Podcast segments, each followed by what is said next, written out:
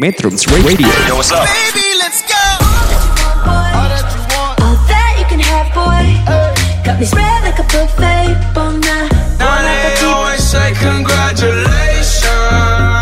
Come and strip that down for me. I'm on my way.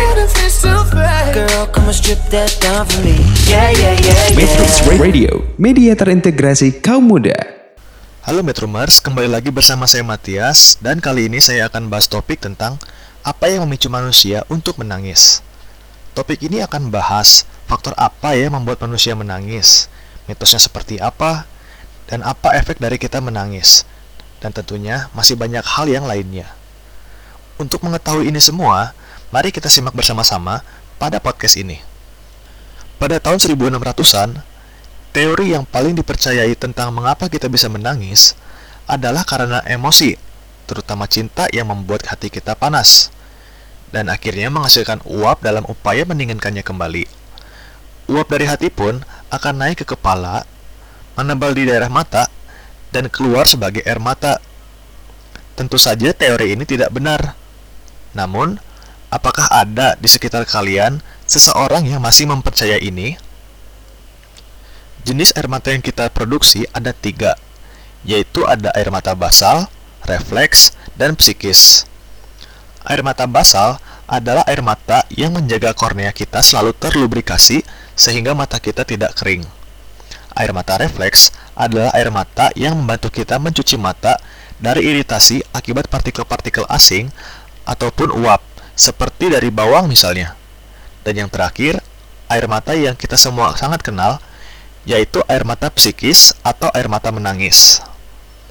Air mata ini dihasilkan dari respons terhadap emosi yang kuat, seperti stres, kepuasan, amarah, maupun kesedihan dan penderitaan terhadap nyeri fisik. Air mata psikis mengandung painkiller atau anti nyeri yang natural yang bernama leucin enkapalin yang kemungkinan adalah alasan dibalik mengapa kita merasa lebih baik setelah menangis.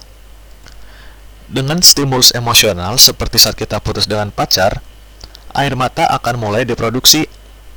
Sesuatu yang bernama lacrimal system yang berada di sekitar bola mata kita adalah sistem sekretorik yang menghasilkan air mata sekaligus sistem ekskretorik yang mengurasnya.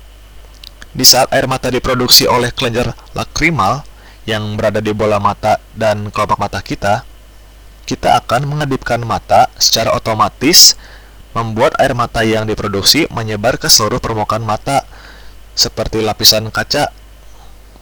Antara air mata tersebut jatuh keluar atau tersaring oleh sesuatu yang bernama plankton lacrimal, seperti air di wastafel. Lalu terkuras melalui hidung yang kebetulan merupakan alasan mengapa hidung kita meler saat menangis. Bahkan sebenarnya menangis mempengaruhi banyak sekali bagian dari tubuh kita. Saat menangis, detak jantung kita akan meningkat. Kita akan berkeringat, nafas kita akan menjadi pelan, dan kita merasa seperti ada gumpalan di tenggorokan kita yang disebut sebagai globus sensation.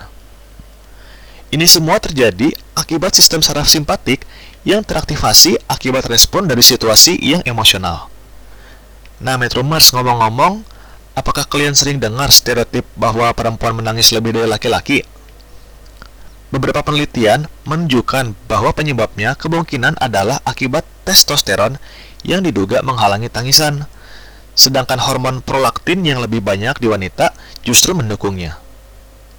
Baik, nampaknya saya sudah kehabisan materi untuk membahas topik ini. Maka dari itu akan saya tutup di sini podcast tentang apa yang memicu manusia untuk menangis. Sekian dulu podcast dari saya, sampai jumpa pada podcast saya berikutnya. Saya Matias, izin untuk pamit. Metrums Radio, media terintegrasi kaum muda.